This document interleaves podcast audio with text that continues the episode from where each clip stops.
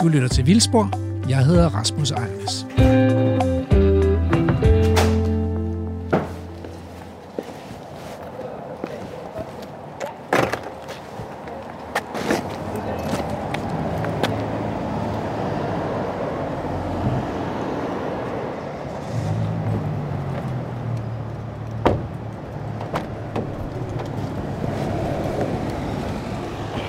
Slut med universitetsverden. Slut. Nu skal vi afsted. Er du færdig med at være på barsel? Nu er jeg færdig. Og sikkert en måde at starte på, at vi to skal afsted, hva'? Ja, det bliver, det bliver vildt.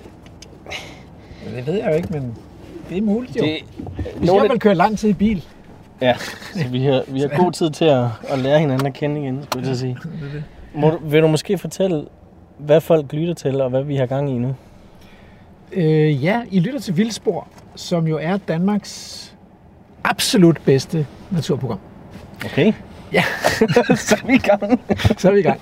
Og det, øh, vi er dedikeret til, det er vel det eneste program, som er dedikeret til at handle om Danmarks natur, simpelthen. Ja. Og, øh, og, og vi skal på sommertur, så det er jo blevet en tradition i programmet her, Ja. at vi tager på en sommertur og laver afsnit, som bliver, så kan spilles hen over sommerferien. Yes. Og, øh, og i denne runde, der, der kører vi øh, til Møn. Ja. Vi starter med at køre til Møn, og derfra skal vi videre til Biodiversitetssymposiet i København. Ja. Så vi skal starte med at se en masse natur. Der er noget vildt fed natur på Møn. Og så skal vi øh, tale med en masse øh, mennesker, der ved alt muligt. En masse mystiske forskere der øh, i København. Ikke? Der er mange ting på programmet, faktisk. Der er helt vildt mange ting på programmet. Ja. Men først så skal vi jo finde fra Aarhus og til Møn. Og så jeg har kørt den tur før. Jeg husker, det er en meget lang tur. Ja. Er du- Skal- vi bytte i Odense, eller? Jeg har jo ikke kørekort. Åh, oh, nej. Ja, det har jeg glemt. Nå. Det er jeg ked af. Ja, men altså, vi må hellere komme afsted så. Ja. Øh, men øh, vi kan sige en ting mere, og det er, at det er dejligt vejr. Det Det er det. sommer, det er Ja. midsommer i Danmark. Ja. Og, øh, og vejrudsigten er god. Med de ord skal vi så ikke komme afsted. Jo, lad os se at komme afsted.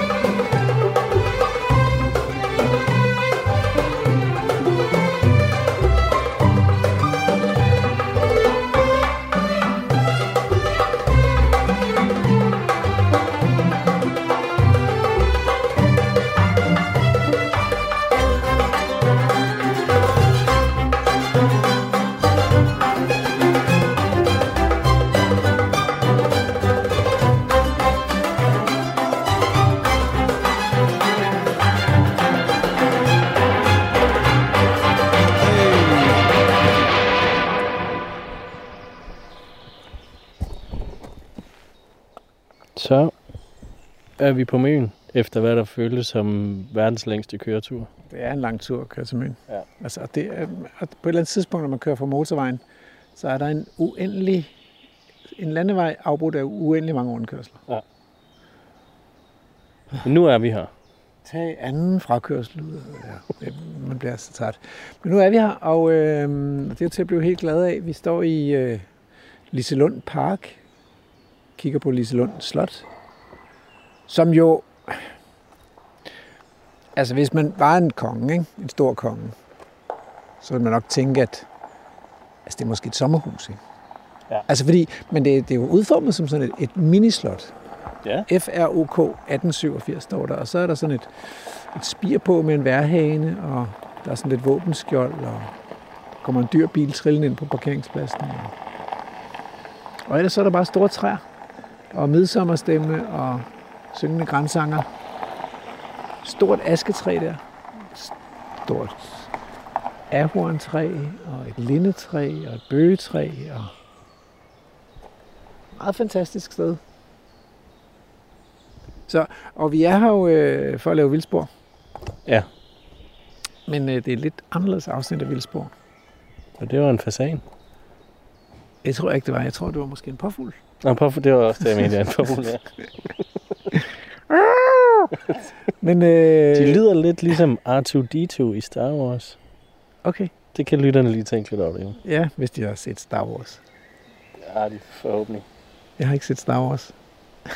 ja, okay. Der Vi slutter her. Ja. Jeg har glædet mig sådan til, at jeg skulle lave vildspor med dig igen, og hvorfor går det så galt fra starten af? Nå, men prøv at høre, vi skal ud øh, i den her park. Ja. Og så skal vi finde, øh, så skal vi finde et kunstværk, som består i øh, syv positioner i parken, hvor der knytter sig en historie til Mm. et, et lydkunstværk, og måske også en, sådan en, en blanding af, af noget lydkunst og noget sanseoplevelse og personlig oplevelse, men også noget om noget historie fra stedet her. Det jeg er jo sige- en audio walk, eller en lydvandring, er måske bedre over. Det er nærmest det samme ord, bare Det er på dansk. bare på dansk, ja, det er det. Ja, og jeg kommer fuldstændig uforberedt. Altså, bortset fra, at jeg synes, det, er, det, det var en god idé. Ja. Så ideen er at lytte til de her, den her audiowalk, opleve den, og øh, give jer mulighed for også at lytte til den, Mhm. og så øh, give den et modspil.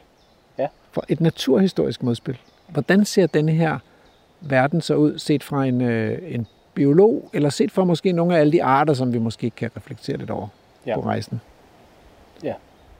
Så vi skal simpelthen på en lydvandring i Liselund Slotspark. Det skal vi nemlig. Og det er jo startskud til sommerturen, det her. Det er det. Det er vores første Ja. punkt på sommerturen. Og så skal vi flere ting på Møn, men det er altså først i de andre afsnit. Øhm, men nu, vi skal jo finde et kort frem. Jeg har ikke fået printet det ud, det er jeg lidt træt af. Men jeg tror faktisk, måske vi skal ned her til venstre. Vil du være kortholder? Ja, det kunne jeg godt være. Skal jeg lige finde det frem. Der, Der har vi den. så kan du, du ved godt, hvordan man zoomer ind på sådan en telefon, ikke? Mm. Du er ikke helt. Nej, det er jeg ikke. Så er der en rød prik der.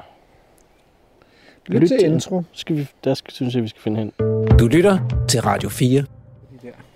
Nu kan jeg se, at, at lyt til intro ligger lige ved siden af ishuset.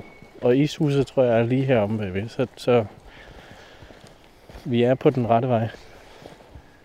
Det, her er det meget park. Parkagtigt, og nu kommer vi simpelthen til et ishus, og det er lukket. Men altså, det er lige ved siden af, at vi skal lytte til introen. Okay. Så det tænker jeg måske, vi skal gøre. Men øh, skal vi stille os derop? Men det kan vi da godt. Altså, der er meget øh, kopieret lige her omkring. Vi, Der vi er er passeret forbi også. en parkeringsplads. Der er en påfugl, lille stråtægt hus, og så jamen skal vi lytte til intro, introen, og så kan vi fortælle bagefter, hvordan, hvordan der ser ud her for os. Her starter lydkunstner Arance Krabbe og litterat Ida Bænkes lydvandringer i Liselund Have. Du står ved indgangen og ser ud over havens centrale del. På kortet finder du de enkelte fortællingers placeringer, markeret med røde cirkler. Gå hen til det sted og den fortælling, du gerne vil lytte til, og aktiver lydfilen ved at trykke på den røde cirkel. Oppe på bronzehøjen bag Schweizerhytten til højre for hvor du står, fortolker Arance Krabbe havens historie. Finansieringen af Liselund Have. En anden fortælling finder du ved Grotten i bunden af Skriverkanalen. Her bliver du ført over Langebjergvej til Tokkevad Sø. En fortælling om det geologiske landskab og de issøer, der forsyner haven med rindende vand.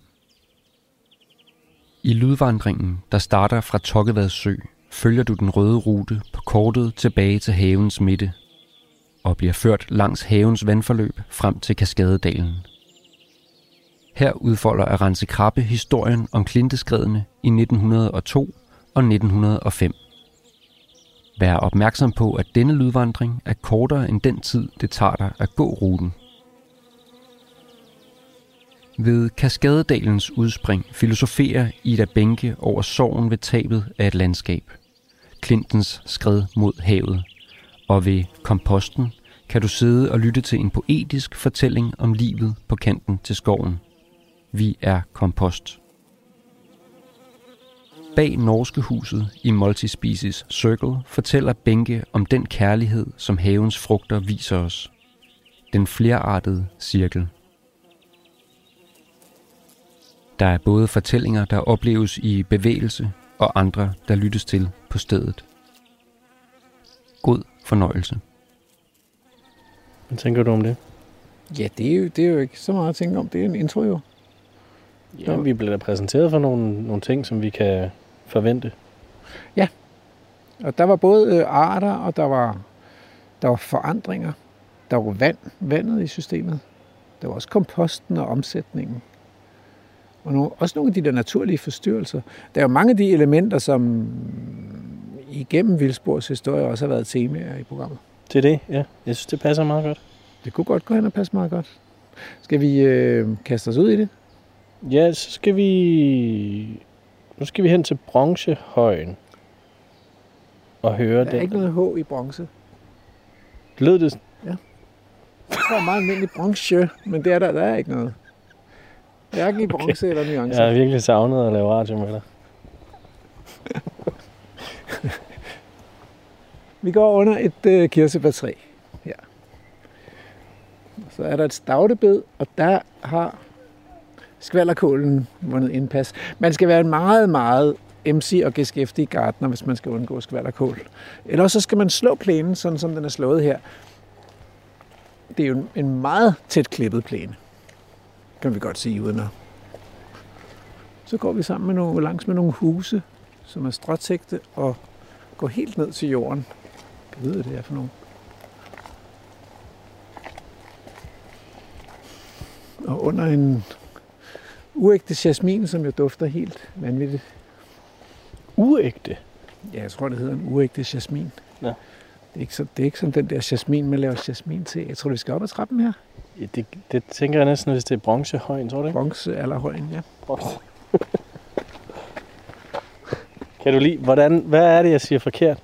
Jamen, du øh, putter et H ind, så det bliver bronze. Ja. Men det er bare bronze. Bronze. Ja. Skal vi gå derop? Er der videre her? spørgsmål. Bronzealderhøjen, tror du virkelig, at den er jo kæmpestor, den her, hvis det, altså jeg forestiller mig, at det her var en naturlig bakke, vi går op på, men øh, Så må du, så må du agere kort, mand, nogle igen. gange ligger de der bronzealderhøje jo også oppe på naturlige toppe i landskabet, ikke? Ja. Det er da et meget godt bud, det her, synes jeg. Vi kommer op igennem en bøgeskov. Med, med mosklædte, mosklædt skovbund. Ved du hvad? Der ligger jo en bronzealderhøj der. Ja, det må altså være her. Den er god nok. Det vil ikke undre mig, hvis der var kantareller nu. Det har jo regnet en del. Altså, jeg synes da ikke, der er noget i vejen for at, at, at lede lidt efter. Så tage nogle afstikker. Kantareller eller rørhatte kunne det også godt være. Prøv at se, der står på rørhatte der. Og hvordan kan du se det så hurtigt? Ja, mange års træning. Ja. Mange års træning. Det er... Til gengæld er jeg lidt i tvivl om, hvad det er for en rørhat. Den er sådan lidt vindtør. Og sprukken. Det ved jeg, ved, det ved jeg virkelig ikke, hvad det er for en. Altså, vi er over i sådan noget i retning af en filtet rørhat. Men øh, den får lov til at, at stå og tørre helt ind her. Men øh, vi kunne godt gå, altså, kunne godt sådan lige kaste et blik rundt omkring gravhøjen her. Ja, Vi, vi står lige ved foden af, af br- Bronzehøjen. Der er lidt svampe her, men de er lidt tørre. Ikke? Her, her står en, øh, Ja, den har det ikke så godt. en rødmende fluesvamp. Rødmende. Rødmende fluesvamp. Det kan man se, fordi den rødmer i gnav. Man kan se, at det er en fluesvamp, fordi den har de her skæld på hatten, ikke? og en ring og en knold hernede ved basis. Det ville den i hvert fald gerne have haft, hvis ikke den var sådan så, så indtørret og snegleet. Men det er ikke den der helt giftige, øh, ægte flu, røde fluesvamp. Nej, altså rød fluesvamp er moderat giftig. Det er sådan lidt hallucinogen. Og de rigtig giftige, det er grøn og hvid fluesvamp. Okay. Og denne her er faktisk spiselig. Tro det eller ej. Så går Nu vi op, træsker du simpelthen bare op ad højen, øh, Op ad højen her. lige ved siden af trapperne. Dem er Ja, du ligeglad med. fordi det er så dejligt at gå. Kan du ikke mærke, hvordan det er at gå i det her mos? Ja. Vi går i jomfruhår. Øh, hvornår har du sidst gået i jomfruhår op ad en bakke? Det husker jeg ikke. Det kan du bare se. Jeg har nok gjort det i det her program her Okay. på et tidspunkt. Det er dejligt. Så er vi oppe på toppen. Så, øh, så skal vi høre det første øh, afsnit af. Det var lydrejsen. Ja, den skal jeg lige finde frem her. Men øhm, Og Rense måske lige- Krabbet. Hun vil tale til os nu. du kan måske lige beskrive udsigten et øjeblik, mens jeg finder det her. Ja, det kan jeg godt. Den er, det, man kan godt beskrive den som storslået og lidt hen i retning af sådan et guldalderlandskab. Vi står, under en kol, vi står på en bronzealderhøj under en kolossal bøg. Altså, altså vi kan jo ikke engang til sammen nå rundt om den der bøg. Øh, og så er der et, å- en åben himmel, og man kan se havet ude i baggrunden. Vi er på Høje Møn. Øhm, og så kigger vi ud over sådan et parklandskab med en sø, med andemad og ænder på plænen, og spredte buske og træer. Meget idyllisk. Og så oppe i baggrunden, der gemmer sig i skovbrynet, der er nemlig bøgeskov i baggrunden bag parken, der gemmer sig endnu sådan et hus, hvor man kan fantasere lidt over, hvem der bor i det, eller hvorfor ligger der et hus der, og tænk, hvis man boede der.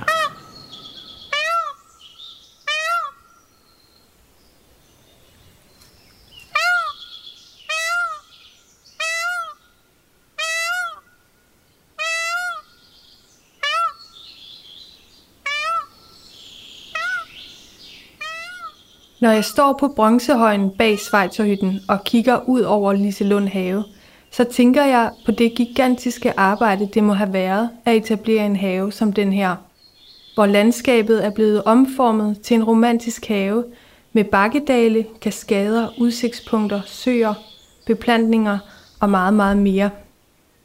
Jeg tænker på alle de arbejdstimer og kræfter og midler, det må have krævet at etablere haven. Hvordan lod det sig gøre?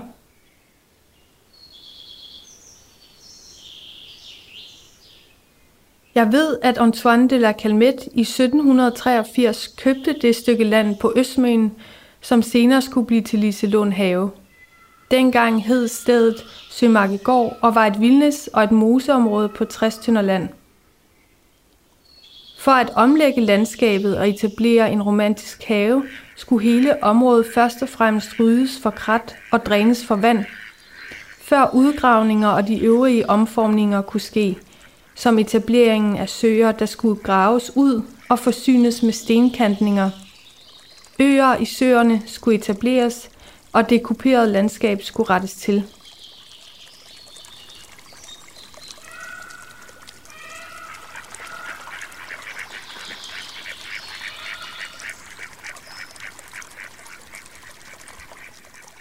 Vandet er et hovedelement i den romantiske have og skulle løbe igennem landskabet og fungere som et bindeled imellem de forskellige områder af haveanlægget. Det tog otte år at etablere Liselund have, og det har altså krævet utallige menneskers arbejdskraft. Og samtidig med, at selve landskabsændringen blev til, så blev haven prydet med et lystslot, lysthuse og andre spektakulære monumenter.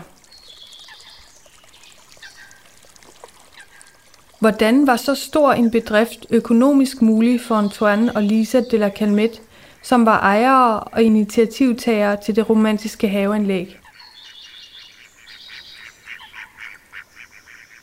Vi må søge svar i Antoine og Lisas ophav. Antoine de la Calmettes far, han hed Charles François de de la Calmette, og han var diplomat. Han var gift med Antoinette Elisabeth de Godin. Familien boede en årrække i Lissabon, indtil Charles i 1759 blev forflyttet til København, hvor han fortsatte sit arbejde.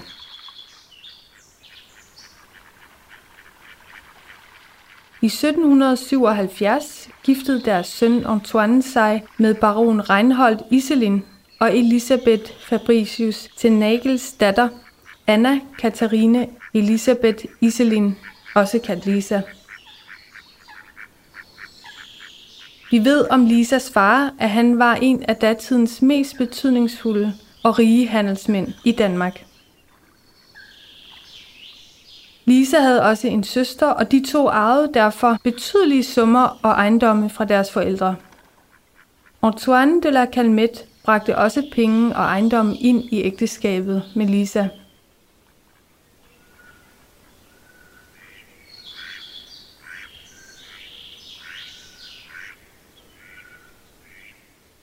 Det var Antoine og især Lisas formue, der gjorde det muligt for ægteparet at rejse vidt og bredt.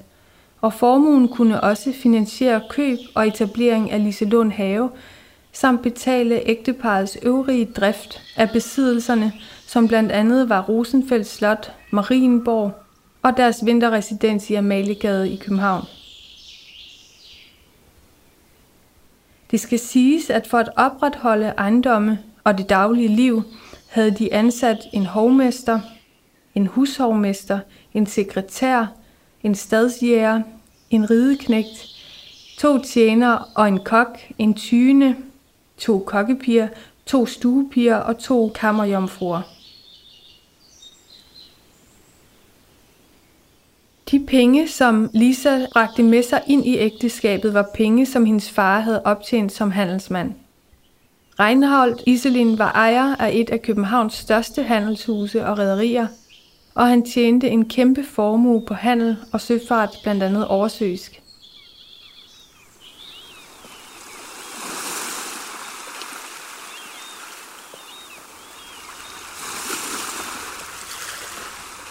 I 1749 stiftede han banken og handelshuset Reinhard Iselin og Company. Handelshuset gennemførte 65 ekspeditioner til de vestindiske øer. Reinhard Iselin var derfor en del af den transatlantiske slavehandel.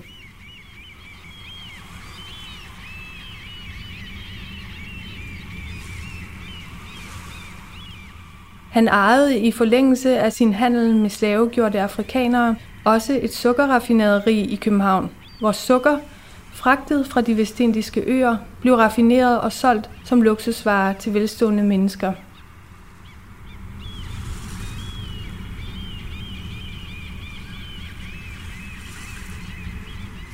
Reinhard Iselin var også direktør for handelskompaniet Dansk Asiatisk Kompani fra 1759 til 1769. Det var et kompani, som hentede bomuldstekstiler fra Indien og te, porcelæn og silke fra Kina. Og indtjeningen for de bedrifter skabte stor velstand i Danmark.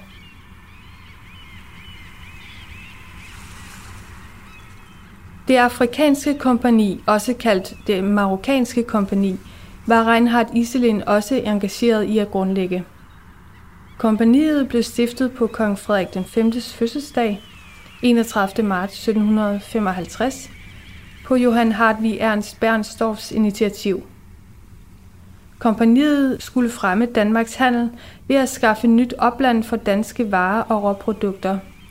Alt sammen for at fremme dansk industri. Det afrikanske kompani fik eneret på handlen i Marokko og forpagtede tollen på den marokkanske kyst. Desuden var Reinhard Iselin medejer af Frolands jernværker ved Arendal, som solgte våben, krudt og salpeter til den danske regering. For disse og tallige andre handelsbedrifter blev Reinhard Iselin hædret af den kongelige regeringsmagt i 1776 og optaget i friherrestanden. Alt sammen bedrifter, som fortæller os noget om den tid, hvor i Liselund have blev skabt. Og at haven altså blandt andet blev finansieret og kunne etableres, fordi Lisas far havde tjent en formue på den transatlantiske slavehandel – slavegjorte afrikanere og essentielle handelsvarer for trekantshandlen, våben og sukker.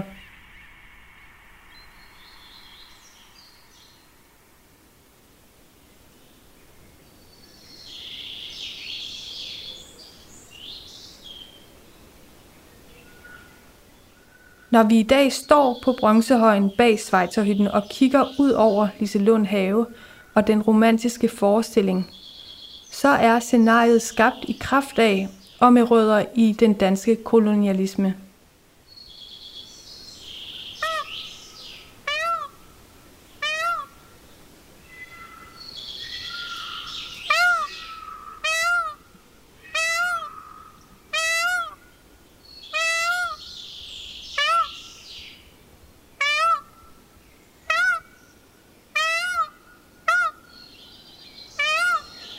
Okay. Andrew? Ja? Jeg vil gerne hedde Rasmus van der Pratensis de Satanes Ejernes. Måske med et sanguinium indimellem. Prøv de der navne. Ja. De er jo fuldstændig fantastiske. Ja, det må man sige. Men altså, øh, man, man skal også have et navn pondus, når man skal udrette alle de her ting, vil jeg sige. At købe et slot og alt muligt. Ja, Først og fremmest skal man have nogle penge for at købe et slot. Rigtigt, men altså, jeg synes ligesom, at, at, at pengene kommer med navnet. Ja, de kom så også med slavehandlen, ikke? Ja, det er Ah, rigtigt. Det er, ikke lidt, godt. altså. ja, det, er, ja, det er ikke så Men godt. det, der sved mest, det var jo... Øh, det var jo den her... Det tog otte år Mhm. at smadre naturen, moserne, sumpene, vandhullerne, skoven, og så transformere dem til dette monster af en park. Ja. Altså, det er, jo, det, man, det er jo svært ikke at tænke det som biolog. Ej, jeg vil, kunne, jeg, kunne jeg ikke bare komme tilbage til 1700-tallet og opleve den natur, der var der før. Før den ligesom blev... Ja, altså, hvis vi bliver i slavemetaforerne, så lagt i længegang. Fordi det er jo ja. Det, man har gjort. Hvad, hvad, hvad, hvad, hvad forestiller du dig, hvordan, hvordan ville der se ud her i 1700-tallet? Fuldstændig fantastisk. Det, det var jo åbenbart... Okay, det er godt. Det slipper Jamen, du meget nemt ja. om ved. Nu må du lige Jo, jo, men få din på det tidspunkt der, der har det formodentlig været et græsningslandskab, fordi der var jo græsne dyr i stort set hele, hele Danmark. Og det er muligt, at græsningen har været, har været ophørt under den tidligere ejer, fordi de taler om et krat, som mm. Det tog lang tid at rydde. Og det, der jo typisk sker med sådan, på sådan en frodig bund, når man holder op med at græsse naturen, det er jo, at der vokser krat op efter de græsne dyr. Ja. Så det er jo muligt, at der har været et græsningsophør, som har medvirket til, at der er vokset krat og skov og sådan noget op. Og så har der været, åbenbart været helt umanerligt meget vand øh, i det her landskab. Så de skulle have drænet vandet væk, så de kunne ligesom få samlet alt det her vand, som har sevet igennem øh, det her meget kuperet landskab, og dannet moser og sumpe. Ja. Det har de simpelthen skulle have, have drænet væk, sådan, så de kunne få nogle ordentlige søer, noget er aldrig og vand nogle søer. dernede. Ja, Der er lidt vand. men det, der er, er hemmeligheden ved det her med vand, det er, at det skal sive igennem jorden. Ja. Så ender det jo typisk nede i nogle søer, men undervejs, der laver det de her øh, kær og moser, som godt kan ligge højt i terrænet nogle gange, og, og engstrøg og sådan noget. Og det har jo været et vanvittigt spændende landskab, tror jeg. Øh, med masser af arter knyttet til både det åbne græsningslandskab og skovkanterne og noget af det, som man i dag kan opleve på de sidste rester af det der øh, græsningslandskab øh, rundt omkring på Højmøen, øh, ved Høvbleje og, og Jydelejet og nogle af de der steder, der er så rige på orkideer for eksempel. Gør det lidt ondt at, at lytte til.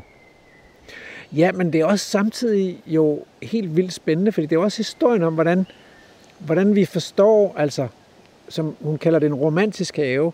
Så dette her, det har jo ligesom været, når man har tjent alle de penge, så skal man også vise, at man har dem.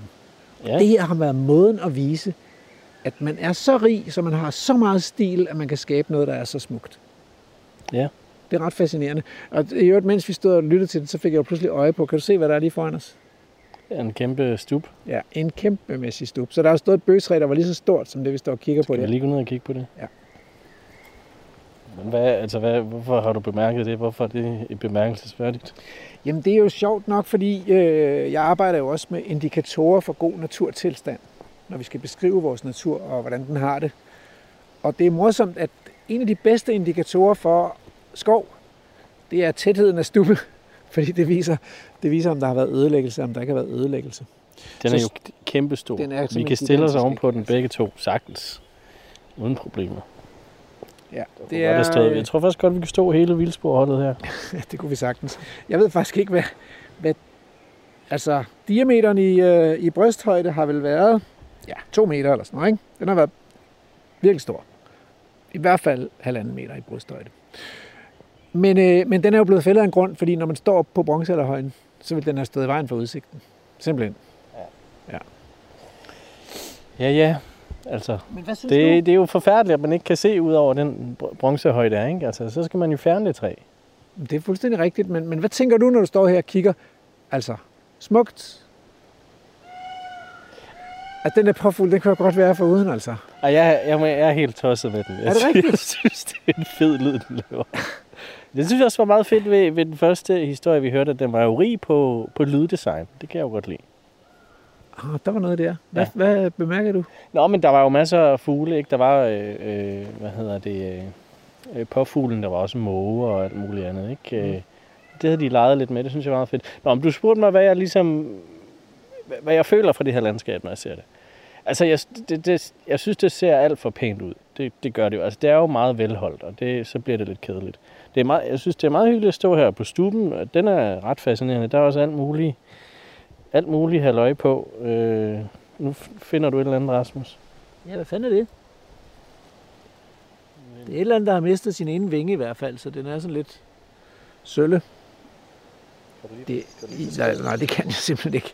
Det, jeg ved ikke, hvordan den har skulle se ud, men det er jo en, en sværmer af en eller anden art, der har en mørk, grålig vinge, og så har den sådan en, øh, en sort krop, der er som om der er nogen, der har malet med sådan et gult lag oven på dens bagkrop, og så har den sådan en lille krave, nakkekrave, der er orange, og ellers er resten af kroppen sort. Og, øh, og, og den der vingerest, der er kun en vinge tilbage på den. Jeg ved, jeg ved simpelthen ikke, hvad det er for en insekt, altså. Det siger, jeg bliver nok nødt til at tage et billede af det. Og så må Jeg tager lige et billede, og så kan vi lægge det op i vores øh, gruppe. 9K, de må simpelthen vide, hvad det her er for et dyr. Eller skulle jeg sige, resterne af et dyr, måske. Så fordelen ved, at den kun har én vinge, det er selvfølgelig, at den ikke flyver nogen steder.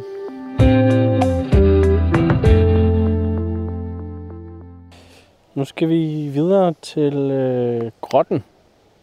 Øh, det er lidt et stykke vej, kan jeg se. Så skal vi ikke Jo, øh, gå. gå videre. Jeg synes, jeg synes, der er et eller andet match her mellem et landskab, der er lagt i lænker, og så at det er gjort med penge fra slavehandlen. Ja. Jamen, jeg kan da godt følge dig i, i, i det, du mener. Altså, det, der du synes jeg jo, at der er noget, på en måde noget smukt ved, at, at de der arvinger, der så nu er blevet rige med penge fra produktionen af Lego, at, at de så faktisk har en lidt mere lejende tilgang til naturen, og blandt andet har en af dem finansieret øh, naturgenopretningen af Klelund Dyrehave, hvor naturen er blevet sat fri, altså det modsatte af at lægge den i lænker. Ui, se lige den der kæmpe. Ej, en oliebille. Fedt. Ja, en blå oliebille, tror jeg. Den er Hold da op. kolossalt stor. Den er fed, ikke? Ja, den er virkelig flot. Den talte vi jo om, da vi øh, lavede afsnittet om morgler. Fordi vi fandt ingen morgler, men til gengæld så fandt vi sådan en oliebille her. Ah, Den kan afsondre sådan en, øh, en, øh, en meget ubehagelig væske, der kan give en kraftigere, langvarig og smertefuld erektion. Ja. Så du det.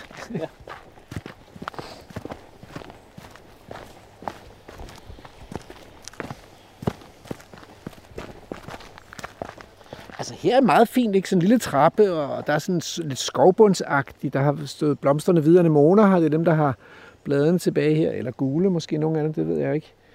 Øh, og så er der bregner her i skovbunden og sådan noget. Det, det er jo meget... Og alt det mos der også, det er sgu meget fint altså. Det ser heller ikke ud som om det her bliver holdt på samme måde som græsplænen lige forneden her. Nej, der er ikke nogen, øh, der er ikke sådan nogen satan, der kommer efter det i tid og utid her.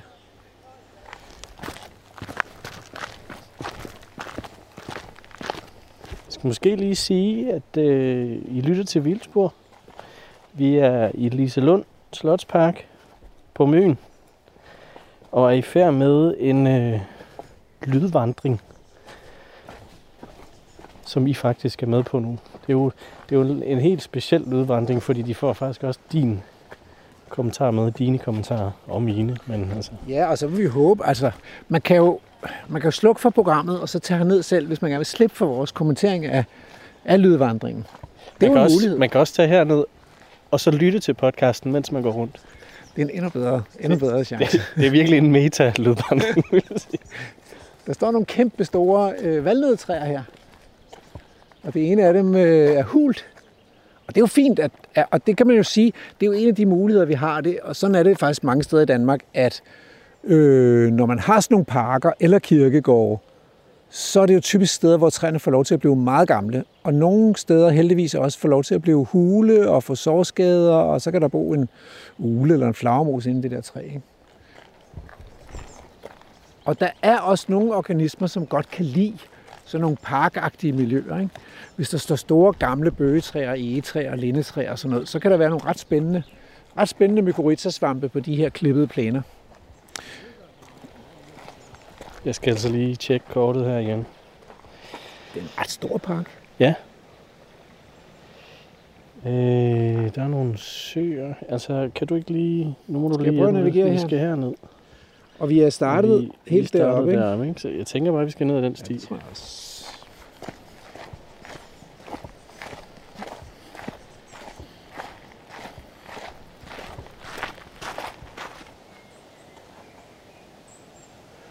Ja, nu er spørgsmålet jo, om vi skal, fordi hvis vi skal bevæge os lidt væk fra, vi skal også sådan set væk fra slottet, ikke?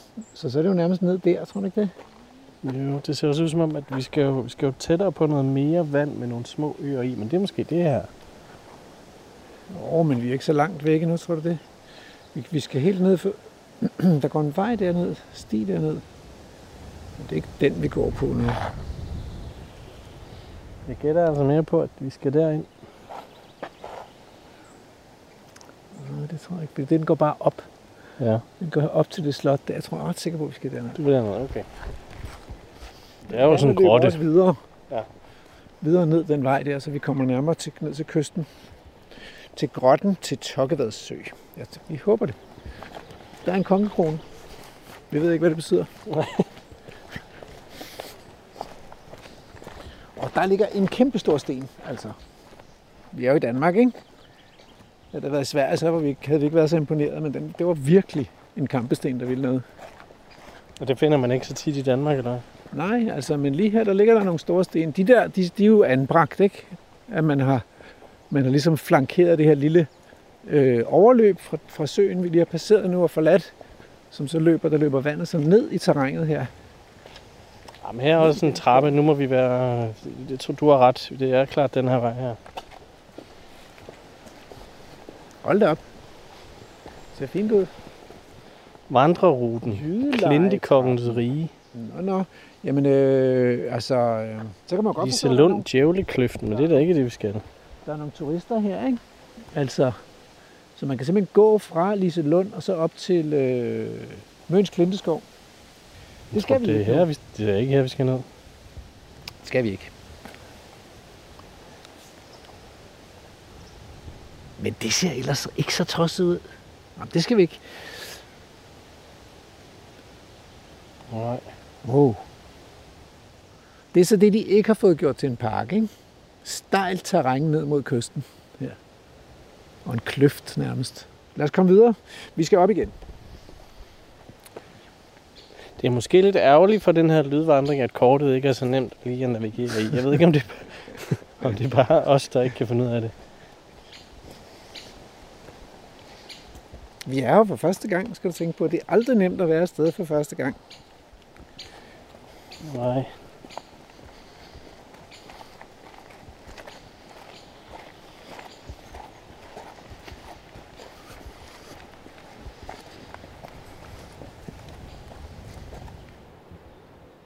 Prøv at se.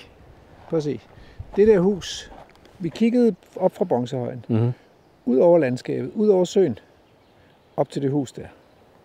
Så vi skal lige præcis den modsatte vej. Så vi, vi skal vi tilbage. Vi skal simpelthen Okay. Vi skal stik modsat retning.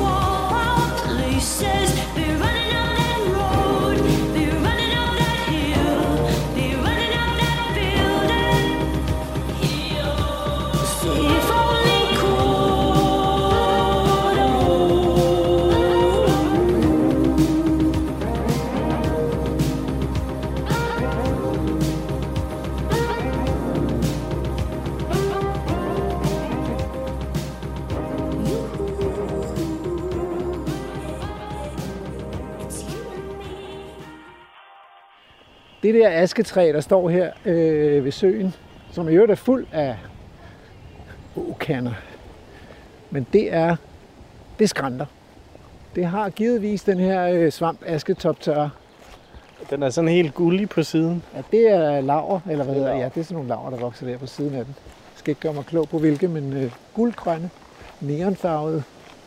Men du kan se, der er store grene der, der er gået ud. Og så er det jo, man håber som biolog, at træet får lov til at stå og dø en langsom død, fordi det er der så meget liv knyttet til.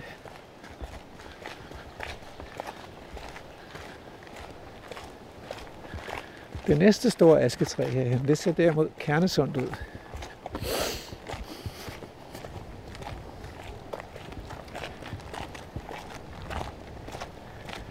Men øh, hvis jeg må knytte en kommentar til det med vandet, øh, så er det jo en øh, måske lidt en klassisk fadese, det her med, at vi mennesker vil gerne, vi er rigtig glade for vand, så vi vil gerne have vandet i landskabet. Der er det er guld værd at bo ved en, bo ved en lille sø. Ja. Men, øh, men vi bryder os ikke om, at vandet det ligesom er til besvær.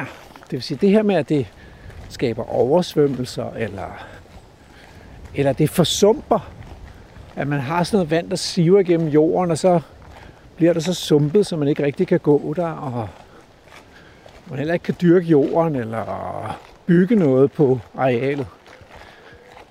Men det er bare det, at øh, det er simpelthen det, der mangler i vores natur i dag. Det er det der sivende vand. Men er det desværre ikke lidt symptomatisk for, for den generelle, det generelle syn på naturen, at vi vil gerne være i nærheden af den, vi skal bare helst kunne styre den. Jo, der er noget om det. Der er sådan et lille vandfald der, han har du set det. Åh oh, ja. Jeg kan høre det risler. Det er også sådan en tror, skal størrelse, hvor man kan styre eller det. hvad? Du tror, det er altså, den her? Øh, den der bronzealderhøj, den lå deroppe, ikke? Nej, den ligger deroppe. Ja, det gør den, ja. Ja, det er nærmest, den, som, som jeg ser det, så er det den stik modsatte vej, vi skal. Nu får jeg igen et billede af Hanna. Hun ser godt nok sød i en barnevogn. Det er, det er dit, pause, dit pausebillede. Altså, nu står vi foran et, et, et andet kæmpe hus. Det må vi jeg kunne finde ud af, hvad det er for et hus. Nå, jamen, det kan vi da nok godt. Men det, er- det er jo så nok det der, nummer 12. 12. Det er ly- lystslottet. Prøv at se. Ja, det er et det er, at man får der. lyst til et eller andet frækt inde i det slot der. Jeg tror ikke, det er det, lyst betyder. Det er mere sådan, at man drikker te der. Ja, vi skal bare videre dernede af. Du. Vi kan jo også se, hvor Ned vandet forbi ligger. lystslottet, du. Så går det. Så, går- så går alting godt. Det er den vej, vi skal. Du. Se, nu dukker den ene sø op efter den anden. Ja, nu går vi ind i, i, i lidt mere tæt skov. Kravskoven, som der står.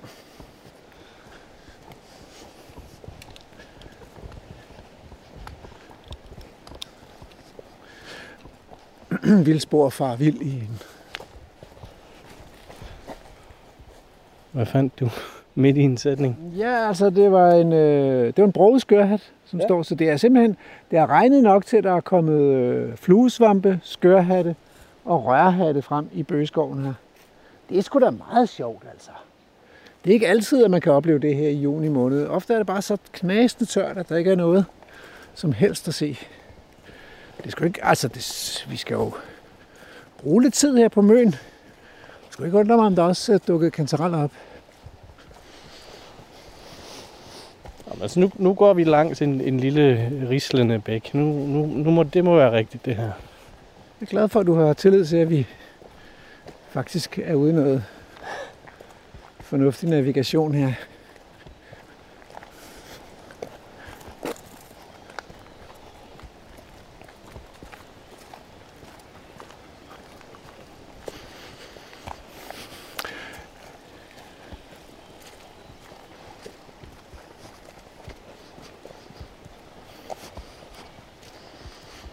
Men alligevel slaver, ikke?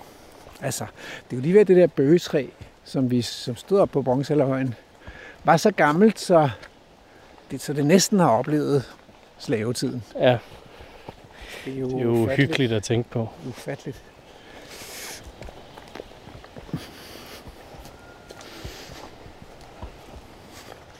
Det havde man ikke set, at man gik op igennem den her skov.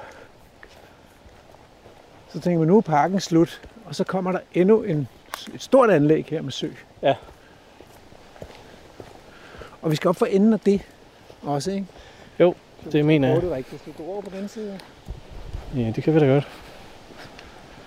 Der står noget her. Det kan være, det kan... Til publikum.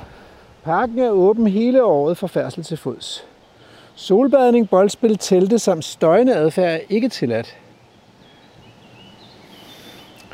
Det må være noget med at ligge uden så meget tøj på. Så er der noget Støjende adfærd, eller hvad? cykler og hunde. Drill og... Ja. Så man skal opføre sig høvisk. Men prøv at se. Øh, altså, vi må næsten være nået ved den grotte her nu, ikke? Den er for enden af det her. Og så er der noget andet vand på den anden side af det, den lille vej her. Nej, det er først op, det er først op ved det næste hug der. Jeg tror ikke, vi... Det vi kun? Jeg tror simpelthen kun, vi er kommet der til nummer 10. Ja, det er nummer 10. Skrivermonumentet. Er det det der? Nej. Hvad er det der? Jo, Skrivermonumentet. det kan være at se. hvad har vi her? En, en kvinde, der sidder på huk og... Altså en, en statue af er det, ikke? Jo, jo, det er det. Ja, man kan da godt forestille sig, at hun skriver et brev eller sender noget afsted. En flaskepost. Mm. Det vi så har herover, det er så det, de kalder skriverkanalen. Kan jeg se. Ja, altså... Og så skulle vi komme til noget, der hedder Pyramideøen, der ligger ude i skriverkanalen. Mm. Ja. Ja, for det vi lige øh, gik op langs med, det var jo ikke en sø, det var jo bare en smal, en, en smal, øh, smal bæk ned igennem skoven.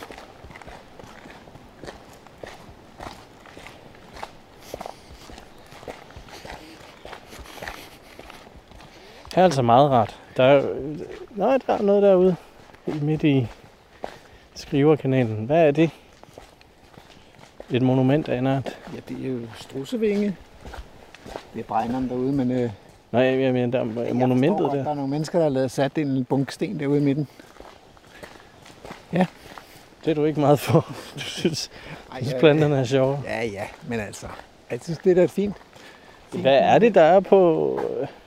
Jamen, der Det er ligner øh, en panfløjte. Ja, der er en stensøjle, og så er der udstillet en panfløjt på toppen. Det giver da ingen en panfløjte. Nej, Efter, ikke? nej det, det ved jeg faktisk ikke. Jeg kan ikke forklare det, Andrew.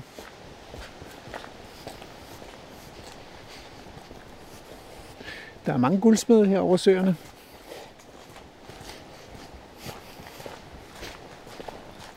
Det er jo en af de få artsgrupper i Danmark, der har været i fremgang. Selv blandt de øh, sjældne arter, guldsmedene. Se, de lader træerne ligge her. Ja, inde til venstre, der er simpelthen øh, væltet nogle træer. Det kan jo godt være, at det er sådan en slags ny stil, simpelthen. Den nye stil. Ja, fordi øh, den stup, vi stod ved, den, den var jo blevet alene. Den, Ja, det, den havde det ikke den havde ikke sit træ med sig. Det var jo fjernet. Jamen, se nu også derude i skriverkanalen, der ligger også noget væltet noget der. Ja, det var svært at fjerne. Men der ligger en del dødt træ, faktisk, træstammer her, så, og også derinde i skoven. Ikke? Så det kan jo godt være, at man øh, har besluttet, at denne her del af skoven, den må godt være lidt mere vild. Og have et lidt vildere præg. Det synes jeg passer meget godt. Der var også øh, lyd af majseunger mejseunger i baggrunden. Mosvitunger måske.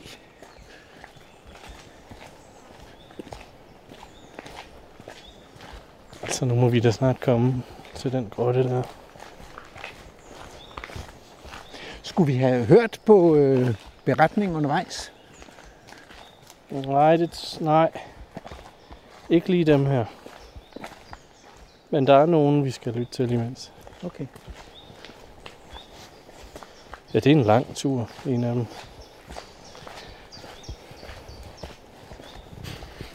Tror du, vi når hjem til aftensmad? Ved ikke.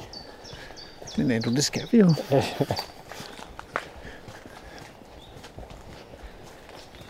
Og der står nogle andre mennesker. Ja.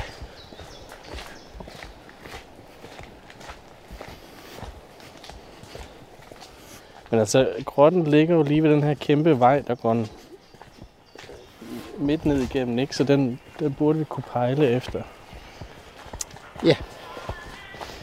Måske ligger den derude lige på den anden side af skovbrynen. Vi se.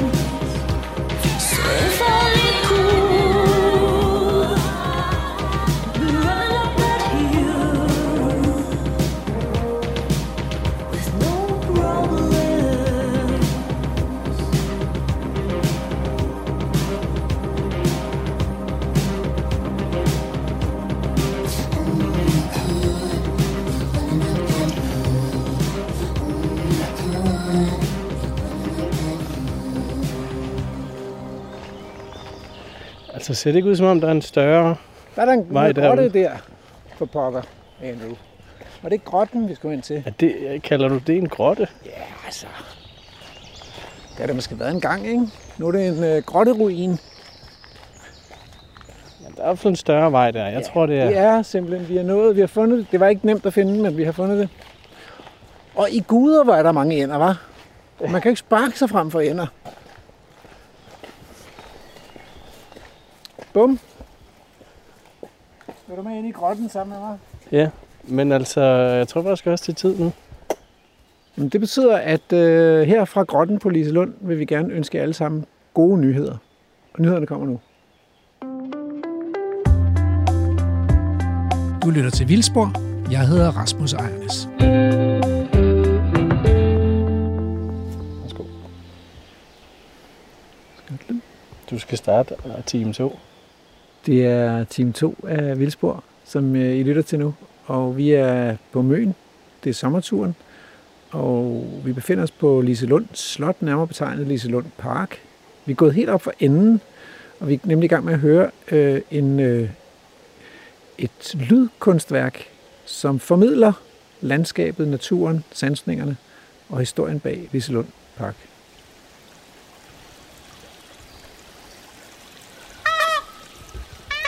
Ej, den der påfugl igen.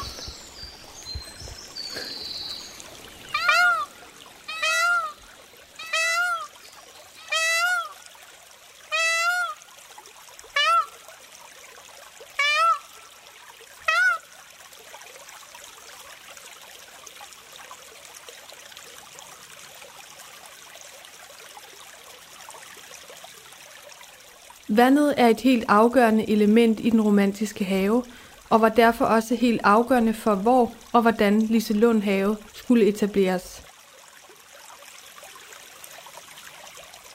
Vandet skulle bruges til at skabe følelser og vække sanserne.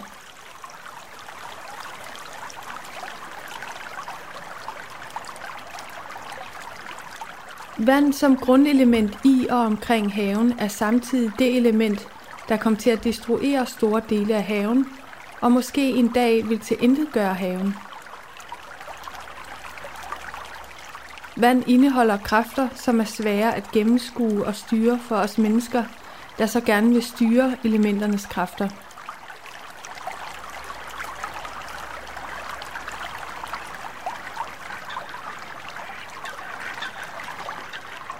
Lad os følge vandet igennem landskabet. Find Tokkevadsøen, som befinder sig på den anden side af Langbjergvej fra Skriversøen. Tokkevadsø befinder sig i haveanlæggets perifære del. Søen er en delvist anlagt sø og er i sin oprindelse en issø. Vandet ledes fra Tokkevadsø ud i et kanalforløb, der fører vandet til Skriversøen. På visse tidspunkter af året vil du kunne følge vandet ved at lytte derfrem.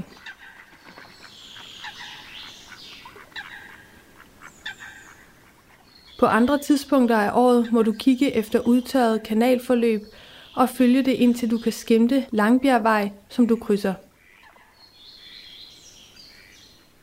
Efter at have passeret nogle få træer vil du ankomme til Skriversøen. Her ved Skriversøens ende kan du finde resterne af et monument. Det var engang sørgegrotten. En af de elementer, som sørgegrotten bestod af, var et grædende øje. Åbningen, hvor kildevandet løb ud, var formet som et evigt grædende øje, hvis tårer fyldte Skriversøen.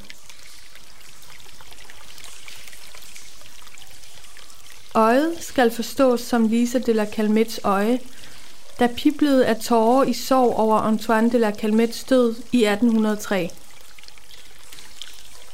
Det var Lisa, der fik opført sørgegrotten.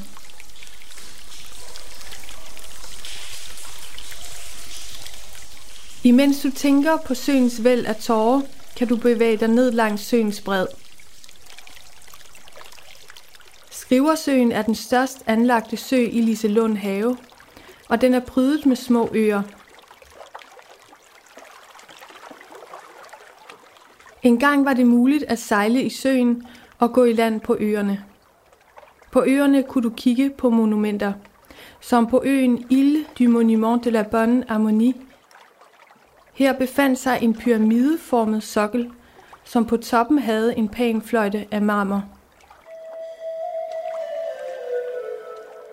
Panfløjtens syv piber var omsvunget af et bånd, hvor der stod L'harmonie nous unit.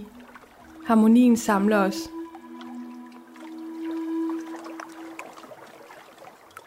Når du ankommer til den anden ende af Skriversøen, opdager du, at vandet ledes igennem en sluse og videre ud i et åløb, som slænger sig ned igennem det bakkede landskab.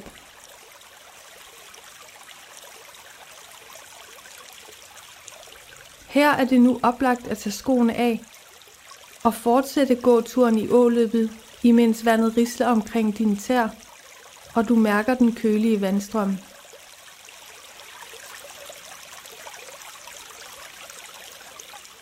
Vandet i åløbet ledes ned til lystslottet og opsamles i Slotsøen og Åkandesøen, som ligger lige foran lystslottet. Går du videre ud af stisystemet, møder du Andedammen på højre hånd og Havesøen på venstre hånd. Fra Havesøen ledes vandet i et åløb og kanalsystem ned til den dramatiske del af haven, Djævlekløften, som fører os videre ud mod Østersøen. Det skal siges, at der også er andre søer i haveanlægget, men vi har nu valgt at følge vandet ned mod Djævlekløften.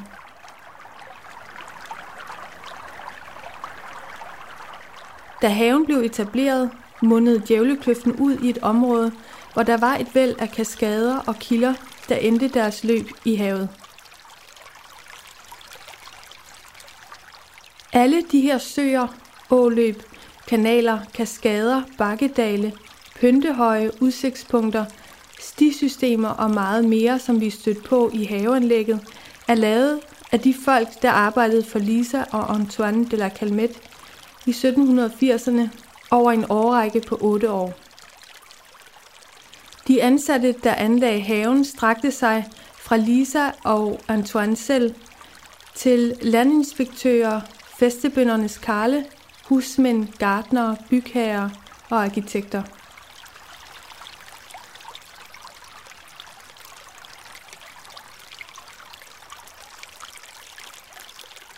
De gigantiske indgreb i landskabet har ændret de geologiske kræfter i området i en sådan grad, at der i 1902, 1904 og 1905 skete nogle kolossale klinteskred, som trak kæmpe dele af haven med sig ud i Østersøen.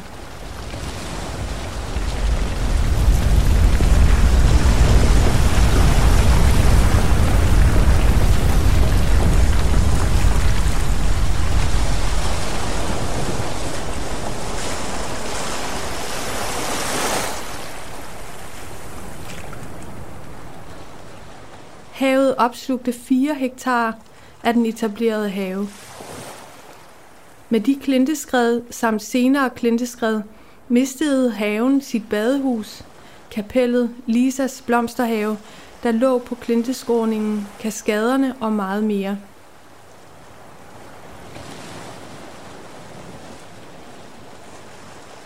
Jeg var nysgerrig omkring klinteskredene og talte med geolog Stig Schack Pedersen. Han forklarer mig, at meget vand siden etableringen af haveanlægget er blevet ophobet og har skabt et tryk inden fra haven. Derfor skred jorden, og yderligere vandmængder sev ned til erosionen og eroderede endnu længere nede og skabte en tyngde i leret, som fik det til at skride.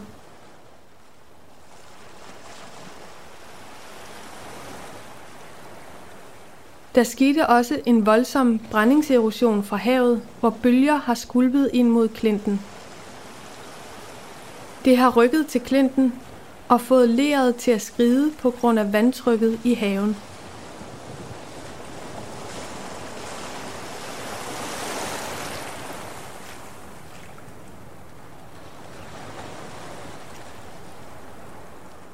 Den romantiske idé og det pittoreske billede af vandet som havens bindeled var således også det bindeled, der fik haven til at smuldre og klinten til at skride.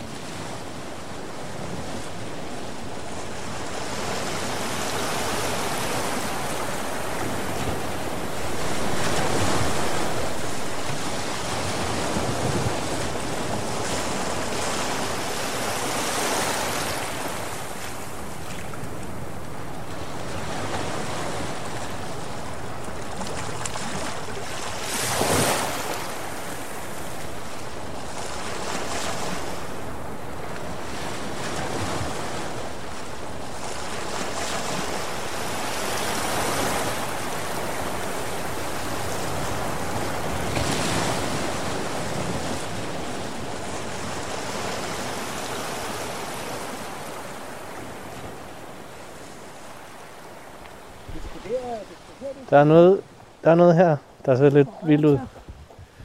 Fuck, det er godt. Det, jamen prøv at høre, det er jo her, det er styrtet ned. Møns Klint, og så er der et advarselstegn om skred. Færdsel på eget ansvar. Skred fra Klinten sker hyppigst vinter og forår, men kan forekomme året rundt. Så det er det, vi lige har hørt om. Vi, kan simpelthen, vi står et sted nu. Vildsborg er øh, jeres udsendte reporter, står på et sted, der er decideret farligt. Jeg får bare lyst til at gå lidt længere til dig på skrænten her. Ja, vi, men der, ligger en masse krant og sådan noget. Tror du, det er noget, der er blevet lagt ud, så man ikke går helt hen til kanten? Ja, det tror jeg da faktisk. Det er jo, man kan godt se, det er skrevet ned her, var. Men ikke sådan, altså, det er jo ikke sådan som, som ude på selve klinten. Nej. Men det, men, men, men, men det hælder lidt. Kan du, kan du prøve at tage et skridt længere her? Altså, kan du mærke, det hælder lidt nedad? Altså, Ja, det kan jeg godt. det hælder den forkerte vej. Ja. Ja. Ja, ja. Men vi står jo foran en...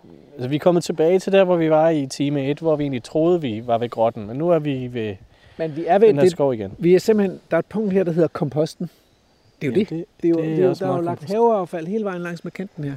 Det er det, der er komposten. Men er, det, er vi så ved det rigtige sted, hvis vi er ved komposten? Jamen, det tror jeg. Men prøv at høre. Øh, den sidste fortælling handlede om det her jo. Ja, om skred. Ja. Ja. Eller det, vi, vi fik i hvert fald historien. Og jeg synes, der var en eller anden højere retfærdighed i det. Det ved jeg ikke, hvordan du havde det med det, men, men det her, den her historie om, at, at man har ligesom brugt otte år på at lægge naturen i lænker. Mm. Og så hævnede klintekongen sig.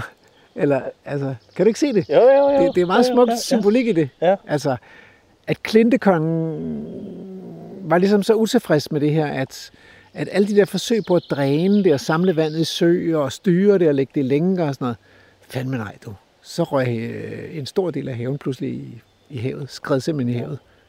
På grund af ophobede spændinger. Det, det, synes du, jeg strækker den for langt? Jeg synes, jeg synes virkelig, at Klintekongen lyder som en, en, en rigtig ubehagelig fyr. Nå, det ved jeg ikke, men, men altså øh, en øh, hård, men retfærdig. Der er sådan noget gammelt testamentligt over det. Ikke? Ja. Et øje for øje og tand for tand. Ja. Men jeg havde jo ret med hensyn til, at det var en panfløjte, der var ude på den der skulptur. Det fortalte de også. Du, du er godt ud over det. Ja, det er da klart. Det er da Jeg godt synes- set af mig. Jamen, jeg synes, det var sådan lidt, måske sådan lidt, lidt fjollet at tro, det var en panfløjte, men det var en panfløjte. Det synes jeg er fint. det var simpelthen musikkens muse ude i søen der. Yes, selvfølgelig kan jeg se det. Ja, Men det, altså, men har du sådan nogle franske fornemmelser? Er det det? En fransk intuition? ej, det tror jeg ikke, jeg har. Nå. Altså, musikken kommer jo let til mig. Det er selvfølgelig der. Ja. Det er der, øh, det kommer ind i billedet. Men Jeg kan godt lide, at du troede, at jeg var frankofil, før du tænkte på det. den musik. Ja, men... Ja. Hvis vi nu lige vender os om. Altså nu gik nu... Men altså, er du gået- sikker på, at vi skal være her ved kompostpunkt? Det Er der, ikke et, er der ikke en post? Prøv lige kigge på kortet. Jamen, der det må er der være, det. er, der ikke en, er der ikke en post før? Nej. Vi skulle til det der kaskade øh, Nå, dalen. jamen det, jo, det er rigtigt nok, men så skal vi gå længere. Ikke? Du får det til at lyde som om, det er et kæmpe problem, Ej, vi er går ikke. længere. Vi skal jo høre skal høre kaskadedalens det rigtige rækkefølge. Ja. Okay. Men når vi så kommer herud, Ja. så vil jeg sige, at, øh, at der er en fugl, vi ikke har talt om, som stod herude. Som stod herude. Ja, der stod, de stod nede på græsset. Nå, der var nogle gæs. Ja, der var grågæs, De står der. som står, og de står stadigvæk. står en i hvert det var fald. ikke en grågås, den der. Det var øh, den- den der. du er ikke- Jeg synes, den siger miau. Altså, lyder det ikke helt åndssvagt? Du, nej, jeg kan godt Jeg er lide. ikke fan af den der påfugl. Men det er også Men- fordi, hver historie starter med påfugl. Ja. Der går seks grågæs dernede på og spiser græs på den der tæt klippede græsplæne. Det er jo faktisk, deres naturlige biotop er jo sådan nogle øh, strandinge, som er, hvor de virkelig er i stand til at, at, at græsse, når der er tusindvis af gæs. Græsse sådan, så det bliver helt tæt klippet. Ja. Så de kan jo godt lide, det er jo, det, det, ser, det er jo ligesom sådan en øh, gåsegræsset stranding, det her, ikke? Ganske, ganske fine, spæde græsskud for sådan en plæne, der er blevet klippet med maskine helt tæt. Altid for gæs. Ja. Man har dem også i parkerne i København. Men, men De er jo nogle i bæster. Eller kan være. vi kan løbe ned og... Nej, det skal jeg ikke. Nej. Men, øh, Men er det her, vi står foran nu, så Kaskadedalen, tror du? Ja, hvis ikke vi skal lidt længere ned. Men, men jeg Vi er kan- færdig med de der gæs.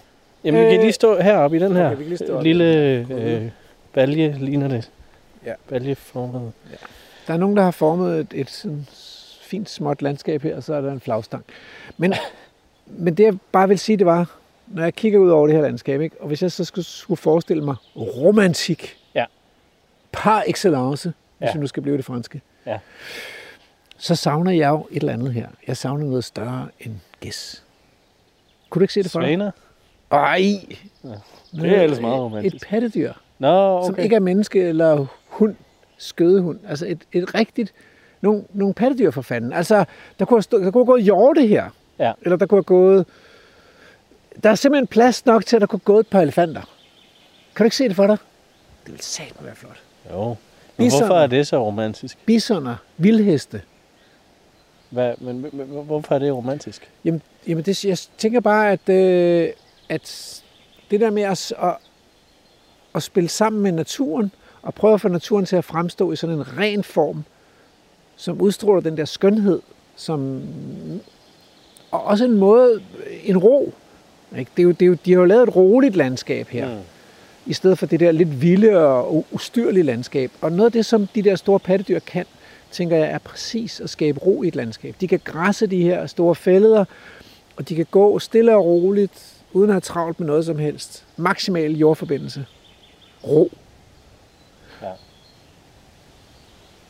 Plus at de jo, de skaber jo noget orden med deres græsning, fordi de der planter, de skaber jo uorden. Ikke? Det kan man jo, enhver som har en have, de kan skrive under på, at det, der sker her i maj, juni, juli og måned, det er, at planterne skaber den vildeste uorden, og man skal ud og klippe dem, og hugge dem, og save dem, og beskære dem. Og... Mens at hvis der er store græsne dyr, så bliver der ro på og orden, fordi de ligesom, de ligesom holder plantevæksten i skak. Ikke? Jeg synes bare, det er lidt festen med de der seks grokkes. De er fine, altså. Ikke et ord. Altså, hvor Emil, Emil, øh, altså, vi skal også respekt for fuglekikker, ikke?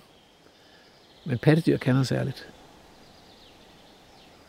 Ja, men de er, de er da meget hyggelige gæstene. Der var en, der lige sked på plænen.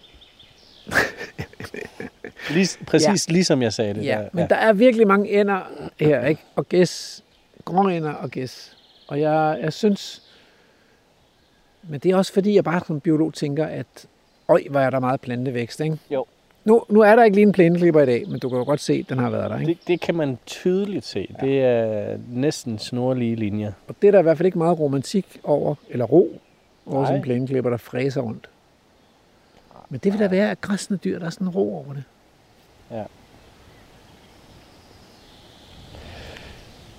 Skal vi høre en historie mere? Ja, vi skal. Vi, her? tror du, vi er ved det der kaskadeteateret? Eller? Kaskadedalen. dalen, ja. Det må det være her.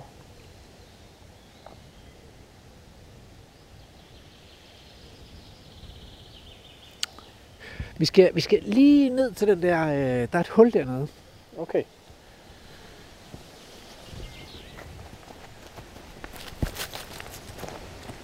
Det er nemlig lige præcis der. Når vi kommer derned, og så kan vi kigge øh, ned i kløften på den ene side, og så øh, det er det der er dalen. Ja. For fanden. Eller undskyld. Du må da gerne bande det i dit program. Jo, men det jeg synes bare ikke, man skal ikke bande så meget.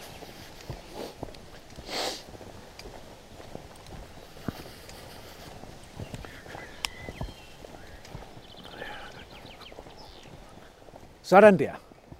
Ja. Dette er Kaskadedalen. Nu skal vi have en historie.